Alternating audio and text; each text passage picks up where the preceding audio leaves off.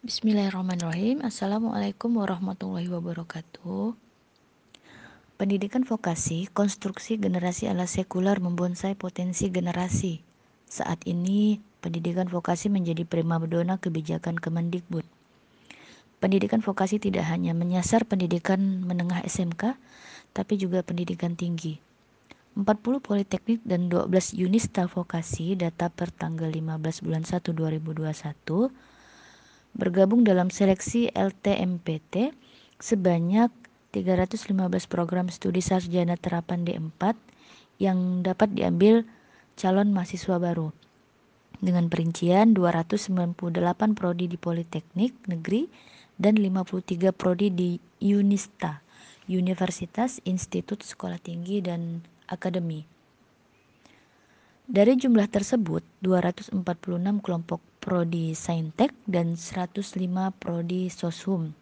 Tampak jelas, target utama pendidikan vokasi adalah menyiapkan siswa masuk dunia kerja dan dunia industri.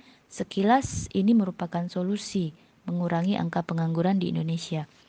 Pendidikan vokasi ini justru menjadikan anak negeri menjadi buruh di negeri sendiri Kurikulum pendidikan vokasi disusun mengikuti kepentingan pasar tenaga kerja, dunia usaha, dan industri yang lebih banyak dimainkan korporasi. Standarisasi mengikuti sudut sistem sekuler. Kurikulum pesanan para korporasi ini sangat berbahaya karena membonsai potensi generasi kita. Generasi muda yang seharusnya dibentuk menjadi generasi yang berkepribadian mulia dan ahli di berbagai bidang kehidupan akhirnya hanya diarahkan untuk menjadi tenaga terampil yang siap kerja. Ini rawan disalahgunakan pihak-pihak yang menginginkan keuntungan sendiri. Yang menuai untung tentunya para korporasi atau pengusaha. Penyelenggaraan pendidikan vokasi kapitalis sekuler tersebut harus diubah dari asasnya. Islam memiliki sistem pendidikan vokasi yang sangat andal, paradigma pendidikan disusun mengikuti asas Islam, Pendidikan apa pun termasuk vokasi ditujukan bagi kemaslahatan manusia umumnya, bukan sekelompok orang atau korporasi.